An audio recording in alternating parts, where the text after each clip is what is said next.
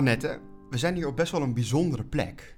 Dit Ja. is namelijk voorheen een dakloze opvang geweest, waar we nu zijn. Klopt. En dat is ook een, een, een, een belangrijk onderdeel eigenlijk geweest in jouw leven, Ja. een dakloze periode. Ja. Daar gaan we het uitgebreid over hebben. Maar ik Mhm. denk dat het belangrijkste is om jou eerst goed te leren kennen. Zou je kunnen vertellen ehm, wat, je, wat je voorheen deed, zeg maar? Wat was jouw werk en hoe zag jouw leven eruit? Ja. ehm, voorheen, daar hebben we het eigenlijk over de jaren tussen 95 en 2006, zo'n beetje, of 91, afgestudeerd op de PABO. Ehm, ik heb geleerd dus voor onderwijzeres en lesgegeven op een aantal basisscholen. En de tweede basisschool waar ik les gaf was in Rotterdam. En ehm, ja, in een achterstandswijk, zoals ze dat dan eh, zo mooi noemen. En dat was voor mij een hele uitdaging. En toch was het uiteindelijk zo dat ik ehm, eigenlijk al een beetje gezien had in het onderwijs. Waar ik eh, eigenlijk tegenaan liep, was het feit dat ik als leerkracht minder vrijheden kreeg om echt mijn eigen weg te gaan met de kinderen. En ja, steeds meer in systemen werd gedrukt eigenlijk. Hè? En over die systemen, dan heb je het echt over eh, het moeten archiveren van bijvoorbeeld de prestaties die Ja. kinderen hebben. Ja. Dat soort dingen. Ja, onder andere, maar ook wel hoe je het programma van je dag eruit moest zien. Eh, er werd steeds meer geregisseerd voor je en bedacht voor je ehm, hoe je bepaalde dingen moest aanbieden. Terwijl ik dacht, ja, ik heb als leerkracht daarvoor ook geleerd. En ehm, ja, ik heb ook ervaring.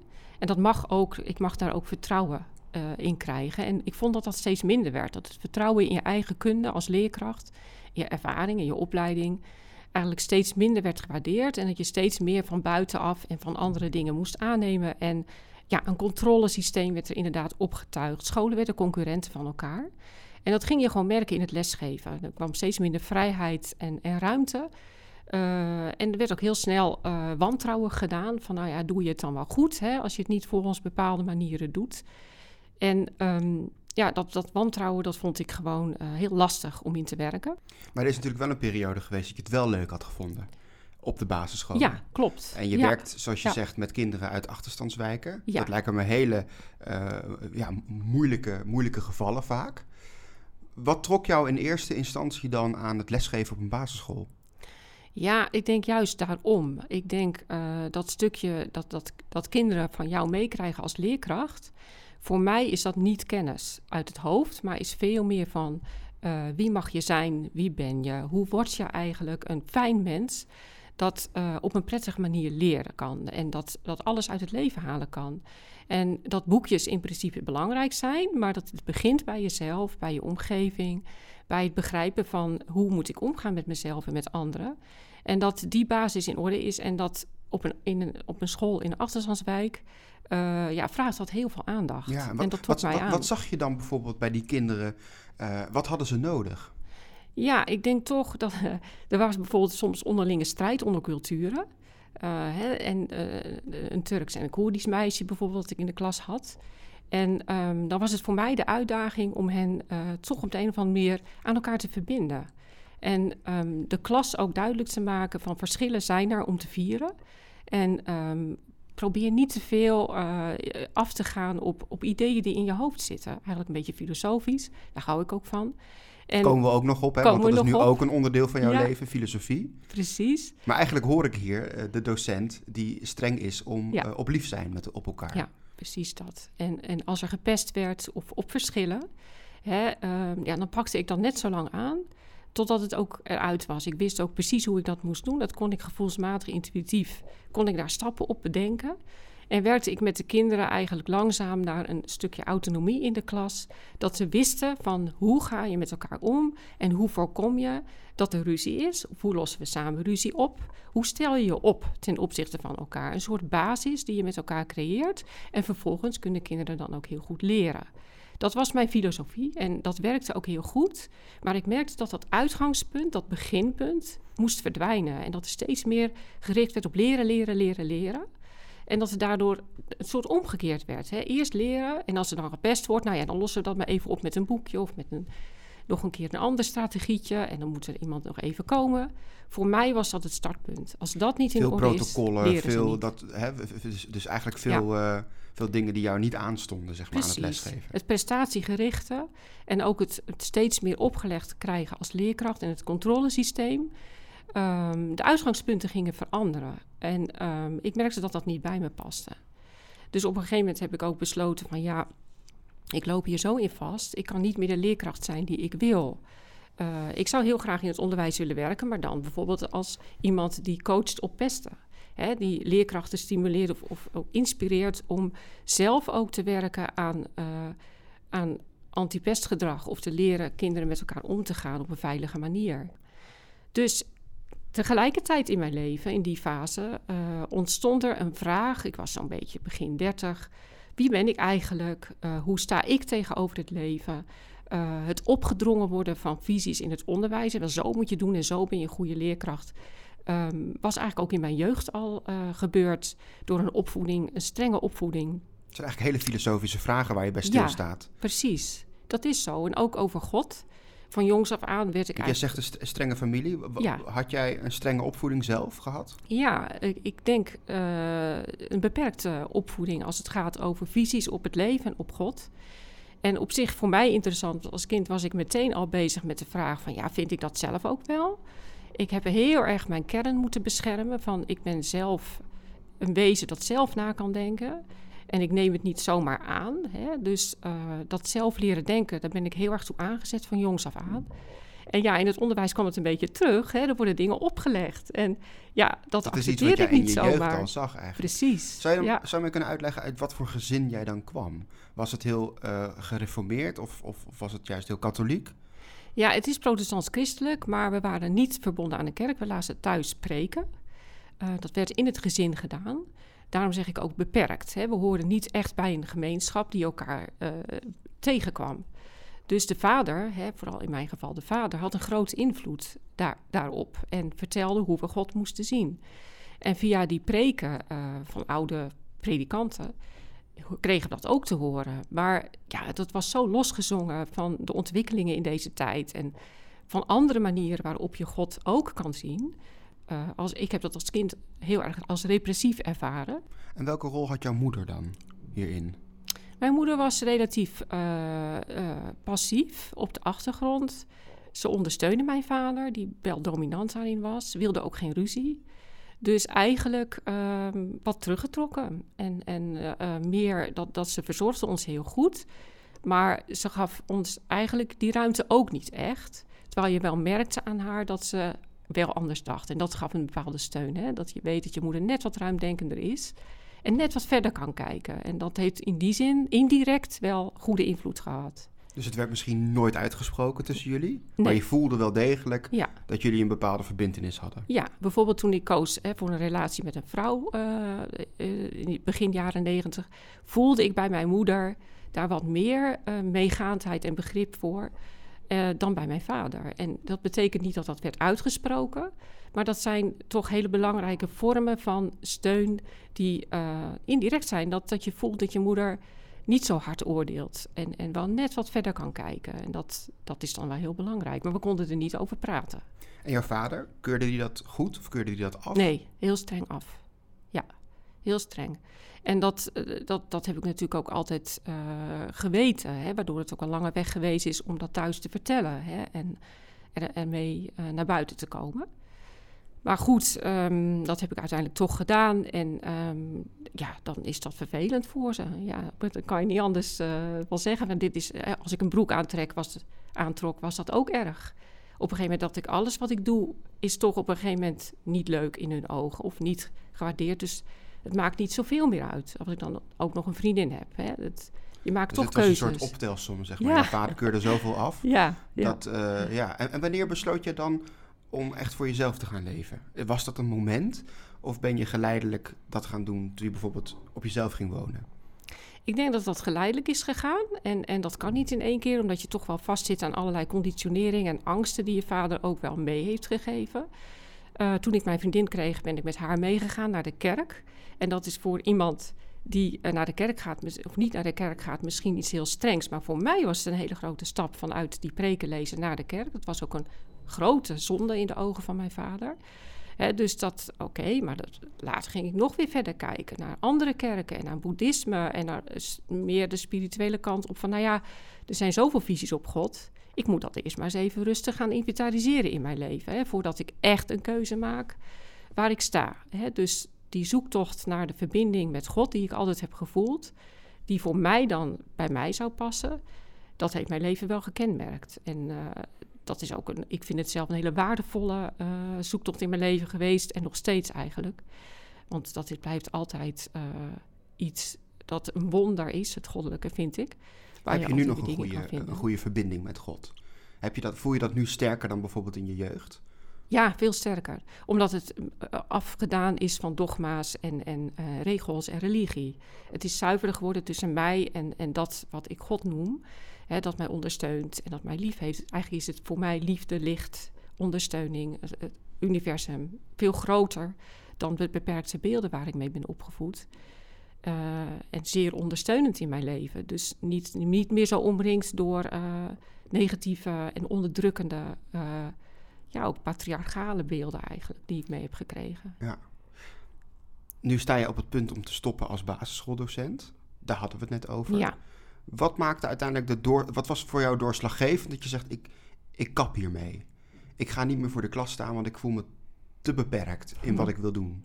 Ja, een, belangrijk voorbeeld is denk ik, uh, ik begon elke dag altijd uh, met een moment uh, met de klas waarin het niet over leren ging.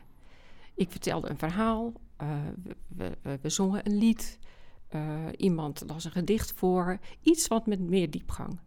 En dan, dan praten we daarover. Of iemand had iets meegemaakt, iets ik noem het spiritueel, maar in ieder geval iets wat niet met leren te maken heeft, maar wat ontzettend belangrijk is om de dag mee te beginnen. Een verbinding. momentje van reflectie. Ja, reflectie en verbinding. Ja. ja. Um, Oké. Okay. Dus dat, dat vond ik ontzettend belangrijk. En op een gegeven moment werd ik gedwongen om, nou, kwart voor negen de school, en er kwam om negen uur een groepje uit een andere klas binnen, want ik moest om negen uur ook aan dat groepje lesgeven, rekenen. Dus ik moest om negen uur beginnen met rekenen. Nou, dan was ik wel zo eigenwijs dat die kinderen daar gewoon lekker bij gingen zitten. En die hadden heerlijk nog tien minuten of een kwartiertje. Een heel ander stukje voordat ze natuurlijk aan rekenen begonnen. Maar dat is maar een klein voorbeeld waarin ik iets moest doen tegen dat wat er in de organisatie op werd gelegd. Het werd niet meer ingebouwd dat je met je klas kon beginnen. Dat je gewoon even ruimte kon nemen voor een verhaal, of, of het nou een bijbelverhaal was of iets heel anders. Of voor even zingen samen. En omdat mijn ervaring gewoon altijd was, als je dat doet, dan begin je heel anders dan dat je meteen met rekenen begint. Je dag is veel effectiever en prettiger. Nou, hetzelfde geldt bijvoorbeeld als kinderen ruzie hadden gehad. Dan legde ik altijd alles direct stil. En ik nam net zoveel tijd om het op te lossen tot we het samen hadden opgelost. En daarmee strem je in de eerste instantie je lessen. Je kan niet heel snel door je lessen heen. Later in het jaar, want het vaak begin van het jaar dat je daar de meeste tijd uh, voor nodig had, betaalde dit dat zich altijd gigantisch uit. Na drie maanden wist je gewoon, ik heb een klas die het snapt. Die kan en die op elkaar ingespeeld is en die met elkaar kan omgaan. Ja. Werd je dan bijvoorbeeld door een schooldirecteur aangesproken op de manier van lesgeven? En de manier waarop je dat deed? Ja, en uh, niet zozeer direct. Ik merkte dat ik een vreemde eend in de bijt werd. ik ging niet mee in het stamien. Ik ging, niet, ik, ik, ging ook soms tegen dingen in, omdat ik het zo belangrijk vond om die uitgangspunten die ik zo belangrijk uh, vond, uh, vast te kunnen blijven houden in het onderwijs. En op den duur merkte ik gewoon, een directeur die voelde aan, ik kan haar niet meekrijgen. En ik had ook invloed op mijn collega's, want hè, velen vonden dat ook vervelend dat dat allemaal zo, ging, zo op een andere manier ging lopen. Dus dat is irritant. Hè? Dus uh, die ging wel zeggen: Nou ja, als je niet naar je zin hebt, ga je toch weg. Uh, die ondersteunde mij niet meer. Of die uh, ging mij een beetje apart zetten. Maar ja, dat is, hè, dat is Annette. Dus meer indirect um, werd ik niet meer zo gesteund. Dus ik werd er niet zo op natuurlijk. aangesproken. Ja. ja. want ik had goede resultaten altijd wel met de kinderen. Dus dat was ook een beetje ingewikkeld voor een directeur. En toch merkte ik: dit is niet oké. Okay, dit is dit geen goede verhouding. Um, ergens voelde het misschien als een bedreiging voor haar, iets ondermijnends vanuit mij. Dus ja, echt op aangesproken denk ik niet zo direct, want dat is heel moeilijk om iemand op aan te spreken, misschien heel concreet. Die ook goede resultaten had dan. Ja, ja, juist. Heel geliefd was ook, ook door ouders. En omdat die dat denk ik ook heel erg hoog hebben staan, hè, dat stukje. Dat hun kinderen zich veilig voelen en lekker kunnen leren. En ja, goed. ehm, ik was daar gewoon heel krachtig in. En ik denk dat dat eh, een directeur eh, destijds wel echt getriggerd heeft. Dat heb ik ook wel gemerkt. Ja. Ja. Dus ja, maar goed, daarvoor ga ik niet weg. Dat heb ik ook altijd gezegd. Ik ga weg op mijn tijd. Dat heb ik ook gedaan. En wat de doorslag heeft gegeven, weet ik niet zo. Ik denk gewoon op een gegeven moment heb ik gevoeld... ik moet echt naar binnen. Ehm, met naar binnen, je bedoelt terug naar jezelf. ja, eens even naar mezelf. Ik moet dus even wat dingen op een rij gaan zetten. Ik word nu best wel overweldigd in een wereld waarin van alles van mij verwacht wordt. Ik heb die en die opvoeding gehad. Ik moet geloof ik echt even nu op een rij gaan zetten. Wie ben ik nou? Wat vind ik nu? En hoe sta ik in deze wereld, in deze samenleving, deze maatschappij? Wat zijn mijn uitgangspunten? Een soort, ja, die kern vanuit de bron wat meer helder gaan krijgen. Van wie ben ik dan? En zeker omdat het nooit echt zo expliciet aan bod was gekomen ehm, in mijn leven. Het was van alles natuurlijk altijd omheen. Ik denk, nou, nu ga ik er eens de tijd voor nemen. Ehm, en ehm, analytisch was ik altijd al. Alleen werkte ik, ik kan het, het is nu zoveel dat ik het even tijd nodig heb om het allemaal te kunnen analyseren. Het is veel gewoon. En ik wil gaan schrijven. Ik wil het op gaan schrijven. Mhm. Dus dat moest ik voor mijn gevoel alleen doen. Dus ik heb mijn huis toen verkocht. Zo. Ja, dat is een grote stap geweest, maar voor mij ook een kans dat ik Maar dat en je kon baan opzeggen en je Ja. huis verkopen. Ja. En Huge. terug naar jezelf. Ja, eh, ik ben een paar maanden naar Curaçao gegaan. Dat was toch wat te ver van de Nederlandse samenleving af. Ik voelde dat ik daar ook wat worstelingen mee had. Toen ben ik teruggegaan naar de Veluwe. Heb ik daar eh, ehm, een staakerven gehuurd. En ben, ik gaan wonen. En inderdaad gaan schrijven. Maar ik merkte ook wel, oh, ik ga wel heel veel ontdekken. Ik ga heel veel Mhm. ontdekken op allerlei vlakken over het, eh, het goddelijke, over licht en duisternis. Het was voor mij wel een, een fase waar ik dacht, oh wauw, er is toch wel veel meer dan dat ik eigenlijk dacht. Ehm, als je je echt gaat verdiepen in dingen, dat is ook een keuze. Het klinkt echt als een zoektocht naar jezelf. Ja, ja. Eh, sommige mensen hebben dat als ze bijvoorbeeld hun studie hebben afgerond. Dan Ja. gaan ze reizen naar Vietnam, naar Bali. Eh, ook om, om meer over jezelf te leren. Het hutje op de hei, dat is voor jou Ja, eh, heel precies. mooi van toepassing Ja, trouwens. Zeker. Hoor je ook veel. Ja. Ehm, maar je bent dus echt jezelf gaan onderzoeken eigenlijk, als ik Ja. je zo hoor. Ja, en vooral ook wel eh, mijn verbinding met God. Ik, ik wilde echt weten nu van, maar dat wil ik zelf bepalen. Ik heb toen ook besloten mijn vader een tijdje niet te zien. Dat was te verstorend. Dat was een hele moeilijke beslissing ook.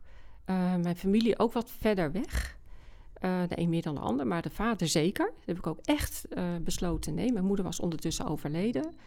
Eh, waardoor het ook voor mij iets eenvoudiger, eenduidiger, laat ik het zo zeggen, was. Ehm, goed, waardoor ik echt die zoektocht aan kon gaan. Mhm. En ehm, nou goed, dat heeft mij heel veel helderheid gegeven en inzicht. En wat doe je dan? Wat, lees je dan veel? Of, of, of ben je dan veel aan het nadenken? Of wandel je veel over de Veluwe? Ja, heel veel wandelen, heel veel fietsen, ehm, en, maar ook wel veel nadenken. En eh, goed analyseren van ehm, wat zijn mijn gedachten? Ehm, wat voel ik? Wat wil ik daarmee? Ehm, thema's eigenlijk behandelen voor jezelf. Van welk eh, thema, eh, ga, ja, dat wordt van binnenuit werd het ook heel erg ingegeven op de een of andere manier. En hoe ik bijvoorbeeld ook naar opvoeding keek. Hè. Ik heb natuurlijk les gegeven, dus vond ik ook interessant hoofdstuk om over na te denken. Dus eigenlijk vrij filosofisch. In verband met het spirituele Mhm. en, en, en het stukje eh, psychologische, denk ik ook. Maar allemaal zelf. Ja. De meeste mensen hebben daar een gesprekspartner voor nodig. Ja, typisch. Ik, ik denk dat ik het gevoel heb gehad dat ik met het universum sprak of zo. Dat Ja. ik een gevoel heb gehad, er is een bepaalde innerlijke communicatie. Mijn innerlijke stem. Er is iets, eh, dat was ook heel mooi om dat te ontdekken, dat dat kan. Dat je ook innerlijke wijsheid hebt. Dingen je, als, je, als je daarbij komt, eh, dat er heel veel wijsheid is. Er is, is verstandelijke kennis, maar er is ook echt innerlijke kennis. En als je daarbij komt, dat dat, dat gevuld kan worden, of dat er dingen ingegeven kunnen worden.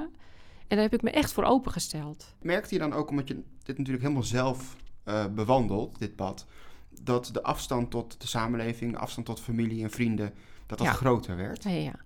Ik raakte eigenlijk best wel in isolement. En ehm, ik merkte ook dat. ehm, ja, ik ging een beetje afhaken. En dat, dat, dat het wordt toch een soort veilige wereld voor jezelf. Ehm, waarin je ook best wel strijd ervaart aan de andere kant. Maar goed, hè, het is bekend. En het is ook. eh, voor mij was het heel erg eh, lastig naar mijn omgeving toe om er begrip voor te krijgen. Hè. Daar koop je toch je huis niet voor. Wat ga je doen? Wat ga je doen? Wat ga je doen? Wanneer ga je solliciteren? Dat gaf heel veel druk. Dus ik heb die mensen ook wat op afstand gehouden, omdat ik die ruimte wilde behouden. Dat ik moet die druk mensen niet. verwachten natuurlijk van je dat Ja. je... eh, tuurlijk, iedereen die heeft even tijd voor zichzelf nodig. Ja, precies. Daar hebben we natuurlijk twee keer per jaar vakantie voor. Ja, ja, ja. Maar dan is, wordt, wordt wel weer van je verwacht dat je het werk weer oppakt. Juist. Maar daar was jij niet aan toe. Nou ja, ik wilde dat zelf ook wel. Alleen voelde ik dat mijn proces dat... Het, ging blijkbaar zo diep dat mijn proces dat niet toeliet. En eh, dat ik dacht, ja, het is, ik kan het moeilijk zeggen, het is nu af. eh, ik, terwijl ik voel van, ik ben helemaal nog niet toe. Ik weet ook niet goed hoe ik moet reïntegreren, wat ik dan zou moeten doen. Ehm, op een gegeven moment ben ik verhuisd naar de beeld. En ehm, toen ben ik wel eh, bijvoorbeeld oppaswerk gaan doen. wat schilderwerk bij mensen. Wat kleine freelance, freelance, freelance klusjes her en der. Eh, om weer wat geld te verdienen.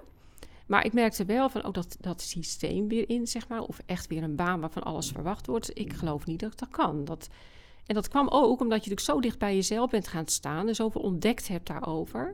Dat je eigenlijk heel graag wil dat je op, met dat wezen de samenleving in kan. Met die daar iets in kan betekenen. hè, Mhm. met, met wie je werkelijk bent. En niet dat je dat weer in de steek moet laten. Hè, voor eh allerlei aangepaste eh, gedrag. Eh, eh, bij wijze van spreken, als je een baan gaat aannemen die helemaal niet bij je paste. Dat was voor mij onmogelijk. Maar een baan die wel bij me paste, wist ik ook totaal niet te bedenken. Dus ik wil het onderwijs ook is, niet de, meer in. is de noodzaak natuurlijk ook daar. Het, het Ja. geld raakt op, Zo kan ik me dat. voorstellen. Ik weet niet, hoe lang heb je het Ja. volgehouden om echt op jezelf te zijn, zeg maar, met de financiële middelen die je had? Ja, drie, vier jaar denk ik. Zo lang toch nog wel, ja, ja. Maar goed, uiteindelijk eh, geen recht op een uitkering. heb je niet zo hè, in die situatie. ehm, eh, niet goed weten van ja, waar moet ik dan eh, terecht? En op een gegeven moment was het zover dat ik echt geen geld meer had. En eh, ik de huur niet meer kon betalen en op straat stond.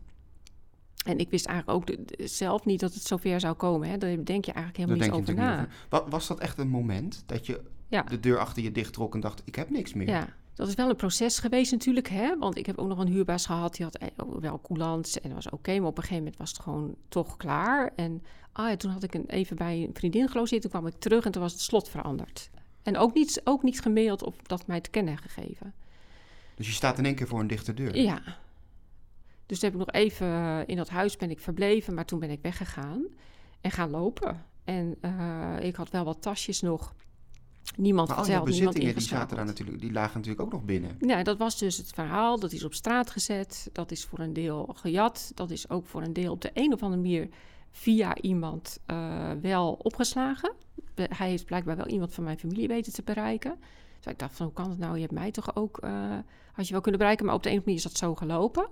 Dus een deel daarvan is wel opgevangen, gelukkig. Hele, een aantal kostbare dingen zijn weg, maar ook een aantal kostbare dingen zijn nog steeds eh, bij mij. Wat heftig, joh. Ja, dat is heel heftig. Maar ja, je hebt, ik was nooit zo aan spullen gehecht. Eh, en dat, je hebt wat anders om je druk over te maken op dat moment. Eh, je, het, het is zo heftig wat je overkomt. En toch dacht ik ook, ik ben wie ik ben. Eh, hè, mijn wezen is het belangrijkste. Ik kom hier wel doorheen.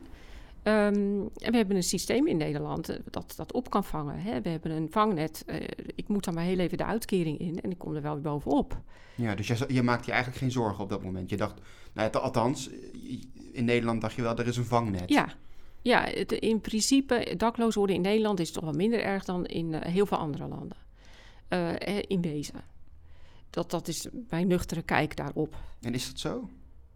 Eh, ik denk dat het inderdaad zo is, maar mijn ervaring was wel van oké, eh, ik loop hier toch even een beetje tegen hetzelfde aan. Namelijk eh, toch het feit dat ik niet goed in het systeem pas, omdat je als dakloze wel hulp krijgt. Zeker tien jaar geleden was dat nog wel anders, maar heel erg volgens bepaalde richtlijnen. Dan moet er een bepaalde problematiek zijn, om indicaties, psychiatrisch, verslavingen. En omdat ik zelf natuurlijk op de zoektocht was naar mezelf en dat ook best wel diep was gegaan en eh, kan het, als ik daarover gaan pra- ging praten, was er voor mij een risico dat hulpverleners dachten, ja nou, eh, die moet daar psychiatrie maar in, hè? Oh, dat vond ik echt heel erg eng, want ik wist dat dat helemaal niet eh, nodig was. Ik denk, nee, nee, nee, het enige wat ik nodig heb is nu even praktische hulp. Maar dat lukte heel slecht, omdat Hoe- toch die je- hoe wist je voorwaarden dat- Hoe wist je zo zeker dat je dat niet nodig had? Ja, je kent jezelf. Eh, Ik kende ook mijzelf oplossend vermogen. Ik kende ook heel erg goed mijn traject. Ik zag daarin heel goed wat daar gebeurde. Ik wist wat er gebeurde. Ik wist ook heel erg goed dat ik hier even doorheen moest. En ehm, dat ik dingen zou leren uit die dakloze tijd die ik ergens wilde leren. Op een bepaald vlak. Ehm, over de samenleving, over mezelf. Prima, oké. Maar eh, in een inrichting terechtkomen, dat wist ik dat dat mijn einde zou betekenen. Dat zou levensgevaarlijk zijn. Hè? Dan, Wa- Waarom was je daar zo bang voor om, om bijvoorbeeld psychisch, psychische hulp te krijgen? omdat ik wel heel kwetsbaar was. eh, en eh, ook nog zoekende was in die Ja. fase. En dan kan het zomaar zijn dat dingen verkeerd worden geïnterpreteerd. En dat je niet weerbaar bent. Was, was dat vangnet voor je? Je, je? je zegt, ik was aan het wandelen op straat. Ja. Ehm, de, de meeste spullen waren weg. Ja. Of opgeslagen ergens. Kon je bij iemand logeren? Of... Nee. Ik wilde dat ook niet. Hè. Ik, ik schaamde me in die zin waarschijnlijk ook ergens. Of ik wilde, was aan de overleven, een beetje angstig van... ja, hoe gaan mensen dat nu weer interpreteren? Dit moet ik zelf aangaan. Moest je op straat slapen die ja, nacht? de eerste nacht. Hoe, nachten hoe is wel, dat dan, ik. die eerste Ja, dat op straat? Vergeet je nooit meer. Hè. Nee. Dat, dat was in het Wilhelminapark. En, eh, In ja, Utrecht? Ja, in Utrecht kwam ik terecht. Eh, ja, dat, dat vergeet je niet meer. En ik kwam uiteindelijk de tweede nacht, denk ik, op Hoog Katerijnen terecht. En toen ontmoette ik iemand die de nachtopvang kende en geen slaapplek had. Want toen moest je nog inbellen en had je niet altijd een slaapplek. En die vertelde mij dat. Van joh, maar je kan daar en daarheen. Dus toen kwam ik in de nachtopvang terecht. Zo. Hoe, hoe dacht je die eerste nachten? Eh, je, je ligt daar op een, op een bankje dan, denk ik, in het Ja, ja. En dan, dan denk je natuurlijk na over, goh, wat is me overkomen? Nee, daar denk je niet over na. Je zit zo in de overlevingsstand. Ik denk dat dat, dat kan je niet voorstellen wat dat is. Ik heb ook jaren erover gedaan om bepaalde eh, trauma's die je opgelopen hebt in die overlevingsperiode ook te overwinnen. Mhm. Eh, ik denk dat je bent zo alleen maar alert. Alert op wat gebeurt hier. Ik moet zorgen dat eh, ik niet bestolen word, ook al op dat bankje. Hè? Eh, ik moet zorgen dat ik ergens kan slapen. Je bent eigenlijk alleen maar met je eerste levensbehoeften bezig. Je bent absoluut niet Eten, bezig met die- drinken Ja, ja. en veilig blijven. En veilig blijven, die dingen. Dus je bent, dat kan niet. Later kan je nog eens gaan nadenken Ja, als er wat meer ja. ruimte is. Maar op dat moment ben je met je eerste levensbehoeftes bezig en niet met andere dingen. En hoe kwam je daaraan? Hoe, hoe kwam je dan aan eten, aan drinken? Eh, ik moet zeggen dat ik het eigenlijk niet meer goed weet van die dagen dat ik... eh, misschien had ik nog wat, dat weet ik niet zo goed meer. Of had ik nog wat geld. Maar ehm, wat, of ik heb iets gekregen, dat zou ook kunnen. Dat, dat weet ik absoluut niet meer. Maar Het eh, is een soort blur geworden. ja, sommige dingen Ja, weten, ja. zijn echt ook wel weg. Dat, dat weet ik niet precies. Misschien- Misschien komt er nog wat terug hoor. Maar bepaalde dingen weet ik niet meer. Maar qua, eh, als je zodra je in de nachtopvang terechtkomt, is dat prima. Hè? Dan wordt dat verzorgd en dan kost dat wel wat geld. Maar dat geld, dat eh, kreeg ik dan weer via eh, de Stadsbrug, waar ik nu trouwens werk. Daar hadden ze bureau dagloon en daar kon je per dag wat geld verdienen. Bijvoorbeeld door schoon te maken of een kantine te doen of te schilderen of mee te gaan op een andere klus. En daar kreeg ik een, paar, een tientje voor per week of zo. En daar overleefde ik echt van. Maar een dakloze uitkering waar ik eigenlijk recht op had... Ja, die heb ik nooit uh, gekregen. Ja, ik heb hem eh, uiteindelijk wel gekregen, na anderhalf jaar of zo. Na anderhalf jaar een Ja, dakloze uitkering. Ja, ja. En dat kwam echt. Ik heb daar met mijn tasje gestaan bij Werk en Inkomen, tien jaar geleden. En eh, gezegd, ja, ik ben dakloos. En toen moest ik zoveel bewijzen. En ja, ja, je hebt dit niet en dat niet. Je kan wel weer aan het werk. Ehm, nee, nou, ik werd echt afgescheept. En ik werd daar zo door afgeschrokken... ehm, dat ik dacht, ik moet daar nooit meer naar terug. En ik wil het eigenlijk wel zelf doen. Ook weer, Of- je wil eigenlijk alles zelf doen. Ja, natuurlijk. Maar ik vind ook dat dat moet kunnen. Ik vind dat je bij werk en inkomen als persoon moet kunnen staan en moet kunnen zeggen en geloofd moet worden. Als je zegt, ik ben dakloos, ik slaap in die nachtopvang, kun je me helpen aan een dakloze uitkering. Hè, op het moment dat dat allemaal nog bewijzen nodig heeft en er moet een hulpverlener bij zijn die dat ook nog eens bewijst, ik vind dat echt verschrikkelijk. En dat, dat is nog steeds op bepaalde vlakken zo. En dat is gewoon vervelend. Dat je als persoon niet. De, je waardigheid wordt zo weggenomen. En dat, dat, dat is op, in allerlei opzichten al zo als je dakloos bent. Want wat valt er allemaal weg eigenlijk als je dakloos raakt? Daar denk je natuurlijk helemaal niet over na, Mhm. totdat je overkomt. Maar, maar wat valt er allemaal weg? Ja, zekerheden natuurlijk. Ehm, eh, er vallen zekerheden weg van, eh, heb ik wel een slaapplek? Dat is die eerste, je le- eerste levensbehoefte, want je moest dan toen nog inbellen... en je was nooit zeker of je die volgende nacht een slaapplek had in de nachtopvang. Maar er vallen ook allerlei rollen weg. Je bent uh, de zus niet meer, je bent de dochter niet meer, je bent de vriendin niet meer, je bent de collega niet meer. Je bent de dakloze. Je gaat jezelf haast ook als de dakloze. Het mens zijn en wie je bent en wie je ook uh, geweest bent, de, de, de docenten, de, de, de, vriendin, de partner, alles.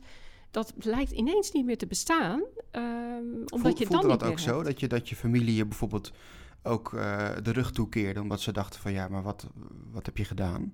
Um, ik, ja, weet je, het punt was, ik had zo'n wantrouwen.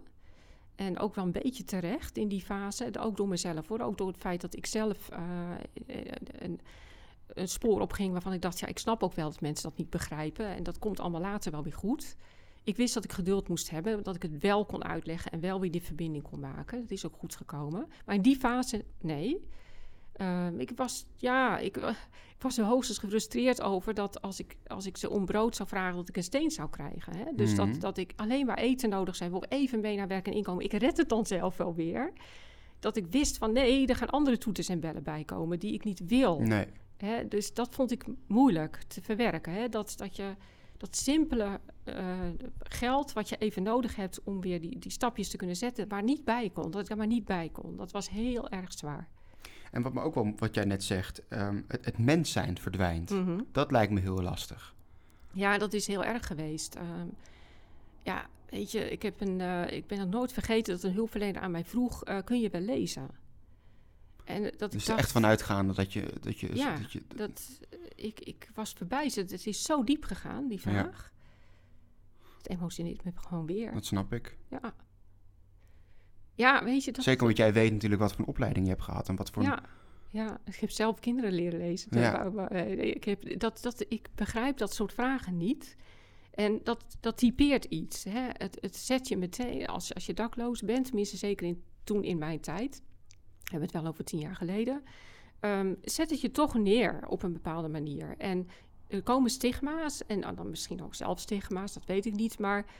Um, alsof er niets anders meer is dan alleen dat dakloos zijn, alsof dat je identiteit haast is. Dat is zo onvoorstelbaar welke associaties daar ook bij komen. Hè? En wat zijn dan die associaties? Vies. Uh, je was je niet. Je, je ja, bent, ja, ook een beetje gek. Ja. Eigen schuld misschien? Eigen schuld, heel sterk. Klopt. Verslaving. Ja. Er moet wel iets zijn, er moet wel iets zijn, er moet wel iets vreselijks zijn met jou, dat allerlei vooroordelen die je voelt, die tussen jou en de ander instaan, waardoor een ander jou niet meer op je wezen kan kijken. Dat is het ergste voor mij wat er is. Ja. Dat, dat vond ik zo verschrikkelijk om mee te maken. Mijn kern heb ik daar zo moeten beschermen. Alsof ik een rivier door, een kolkende rivier doorliep met een pakje boven mijn hoofd. Van, oh, ik moet dat droog houden. Hè? En, en dat, dat, ik mag niet vallen. Hè, dat, dat pakje moest ik beschermen, want dat was mijn wezen. Hè? Dat, ik wist ook van, als ik het nu uh, bijvoorbeeld uh, aan werk en inkomen toe ga geven en zeg, nou, ik ga wel een baan zoeken, of ik ga toegeven aan een hulpverlener die zegt, nou, je moet de psychiatrie maar in, dat ik het pakje zou verliezen. Zo sterk voelde ja, dat? Ja, ja, dat valt in het water. Mijn wezen gaat en, en daarmee hoe, verloren. En had je dan nooit het idee van, goh, maar misschien heb ik wel hulp nodig en misschien moet ik toch maar gewoon een baan nemen, want dan ben ik in ieder geval uit deze situatie. Ik zou dolgraag een baan genomen hebben, maar ik wist dat het niet kon. Er was een brug nodig. Ja. Ik zat natuurlijk ook in een zeer zware uh, psychische uh, periode toen. Ja. En ik was kwetsbaar en nog zoekende. En, en he, had ik nieuwe ontdekkingen gedaan en, he, in mijn eigen proces. En ik was dakloos. Er was een periode gewoon nodig waar ik even bij kon komen. En even gewoon ook van die dakloze periode de shock moest verwerken. En dan moest gaan kijken van welke weg ga ik nou in naar een nieuwe baan. En niet bam, nu bam, ga maar even iets. Dat Je had eigenlijk meer tijd niet. nodig. Ja, ja, ja, dat vooral. Ja. Hoe was het contact met andere daklozen? Want als je het hebt over uh, daklozen in Nederland, dan denken mensen natuurlijk naast financiële problemen vooral aan mensen die verslaafd zijn aan drugs. Aan mensen die al heel lang psychiatrische problemen hebben, niet meer bij hun familie terecht kunnen komen. Uh, soms, hè, je ziet natuurlijk nu ook de economische daklozen, die dus echt het gewoon niet meer kunnen betalen en op straat terechtkomen. Uh, kon je daar um, je gevoel kwijt? Nou ja, ik was wel een beetje een atypische dakloze. Hè? Uh, zo, uh, de, de, de, de, voorbeelden die je nu noemt, die, die kom je ook tegen. Mm-hmm. Maar er waren ook mensen uh, waar ik mee wel ook voelde van daar is een verbinding. Daar is een verbinding tussen mij en hen. Ze zijn kwetsbaar, ze zijn lief. Ze zijn anders. Ehm, ze zijn niet per se verslaafd, maar uh, alleen maar heel kwetsbaar en passen niet in het systeem. Ik heb altijd heel diep gevoel gehad voor die doelgroep. Ik noemde ze altijd de kwetsbaren onder de kwetsbaren. Ik zag ze ondersneeuwen onder Mhm. de mensen die eh, ja, verslaafd waren, grote mond hadden, veel gedronken hadden. eh, ja, ik, ik Dan zag, heb je het over de mensen die niet in het systeem passen. Ja, eigenlijk net als ik. Ja. Maar dan eh, vaak wel met psychiatrie in aanraking waren. Ehm, en ik voelde altijd diep met hen mee. Ik, ik zag hun kwetsbaarheid, hun zachtheid. En dat ze ook in die dakloze opvang het heel moeilijk hadden. En ook ik had het heel moeilijk. Alleen, ik was heel analytisch. Dus ik wist heel goed, haha, als ik dat weggetje ga, strategisch ook. eh, ik kom daar wel uit. Ik, ik, ik analyseerde het allemaal en wist, ah, oké, ik, eh, ik weet hoe ik het aan moet pakken. Ik wist ook, dit is een proces. Ik moet mijn weg vinden. Als ik, als ik dit accepteer, dan eh, moet ik maar even incasseren. Dan bereik ik dat. Nou, zo slim was ik dan wel. En Ja. dat was gewoon fijn dat ik dat bij me had. Hè? Dus waardoor ik echt heel goed mijn, mijn weg er eigenlijk in kon vinden. Maar niet zonder heel veel strijd. Hè? Echt voor mezelf op moeten komen. Soms ontzettend onder druk gezet worden. Boos moeten worden. Ik werd ook veel gepest. Eh, omdat ik natuurlijk toch op de een of andere manier dingen doorzag. En, en dat vonden mensen ook bedreigend, merkte ik wel. Dat dat vervelend ook soms was. Is het, is het dan ook onveilig, dakloos zijn? Want je bent natuurlijk toch op jezelf aangewezen, kwetsbaar. ja. Mensen kunnen misbruik van je maken. Ja, het is, het is ontzettend onveilig op allerlei vlakken. Eh, fysiek, eh, voor je spullen en absoluut ook sociaal gezien, hè, emotioneel, ehm, is het zeer onveilig. En ehm, ja, als vrouw zijn er nog meer. Hè. Ik merkte ook veel mannen kwamen op me af hè, eh, van, nou ja, dit is misschien wel interessant. Hè, en daar kan ik misschien wel wat meer mee. Dat je voor wat hoort, want cultuur is ontzettend eh, Ja. heftig in die. Dus ik krijg wat van jou, maar dan moet jij wel iets Ja, voor ja. terug doen. ja, ja, erg veel haat heb ik ervaren daar.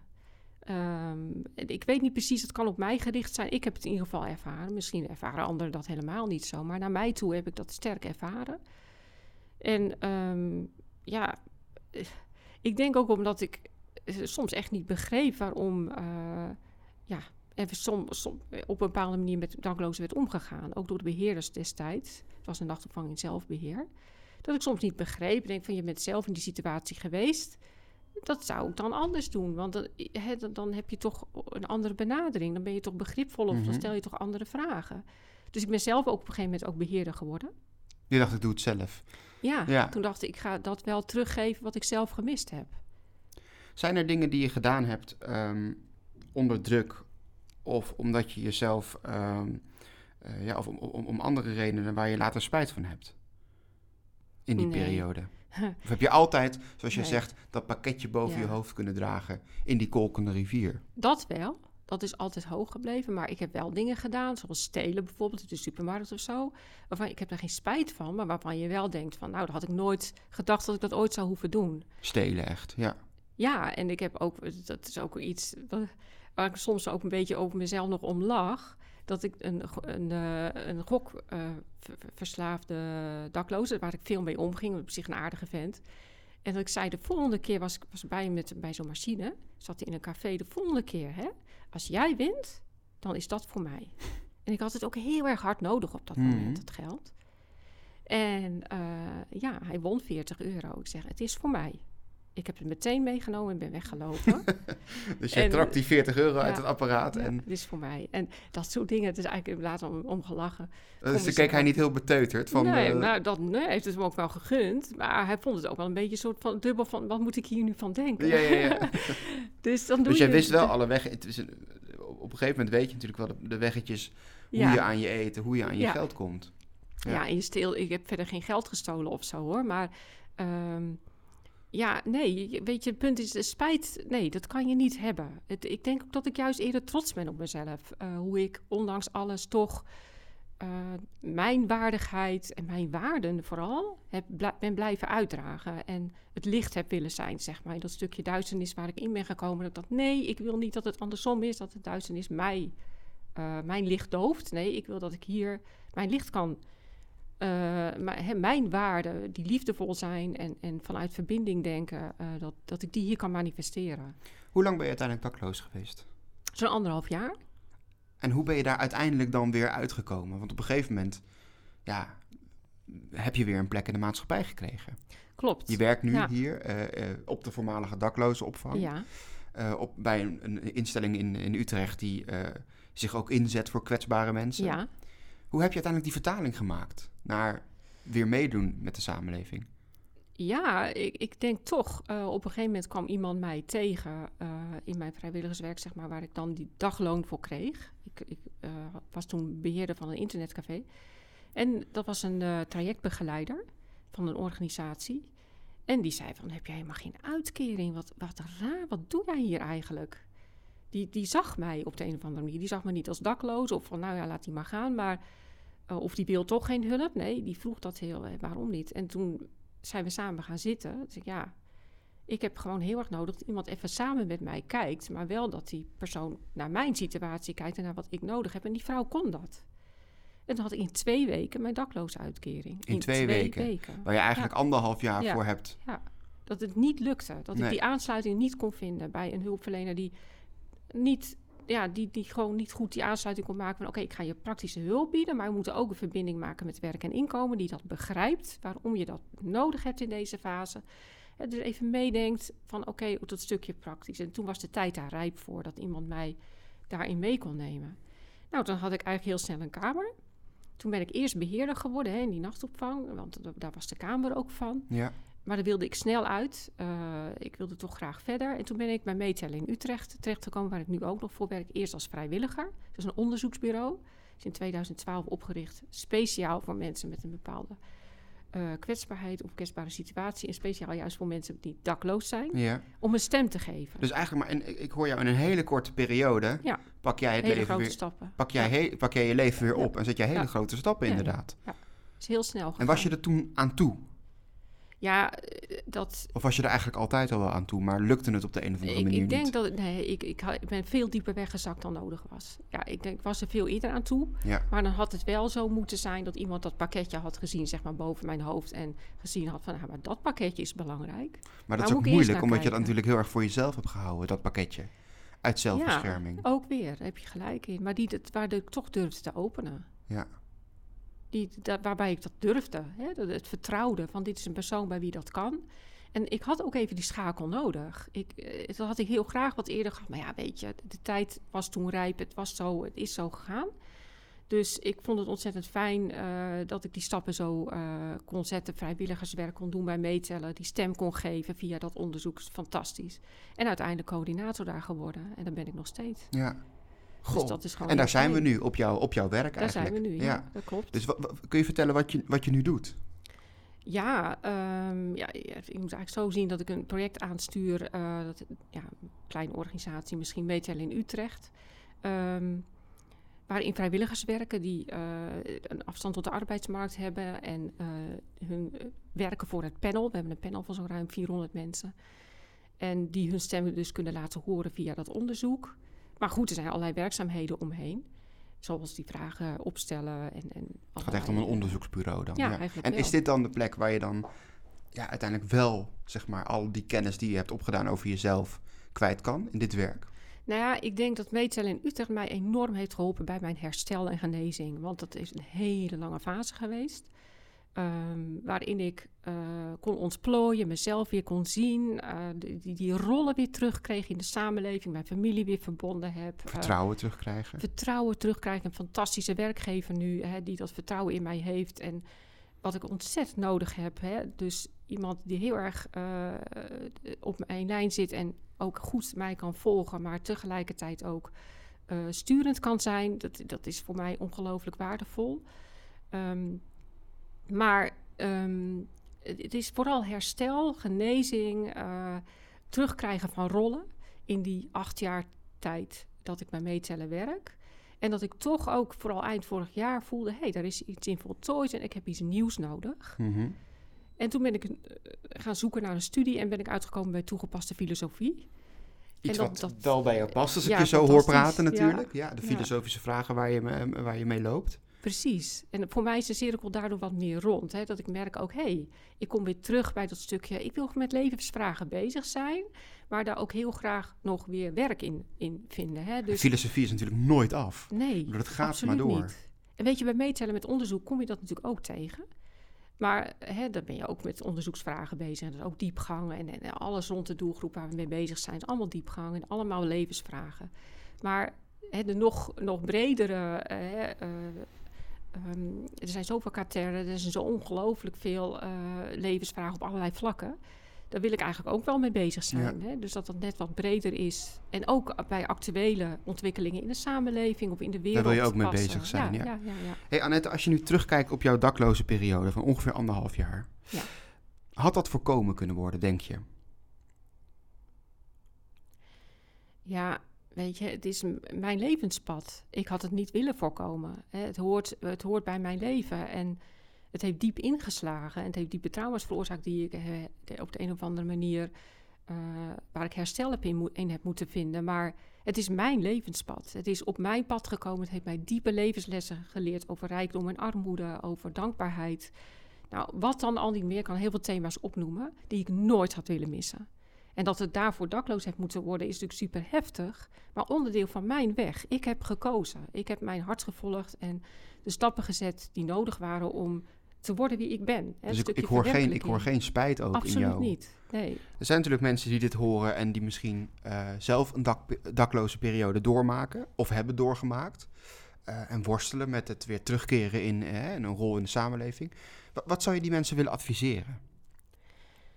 Ja, leef jezelf niet in voor het systeem. Hè? Dus blijf wel, ga niet paden op die jou van jezelf aftrekken. Ook is soms nog zo moeilijk.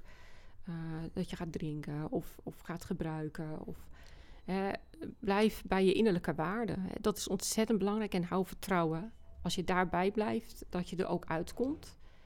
En um, ja, blijf ook dankbaar. Blijf dankbaar voor dat wat er wel is. Dat, dat is echt ontzettend belangrijk, omdat je als je in een dakloze periode zit, heb je heel erg de neiging om te zien wat je allemaal verloren bent.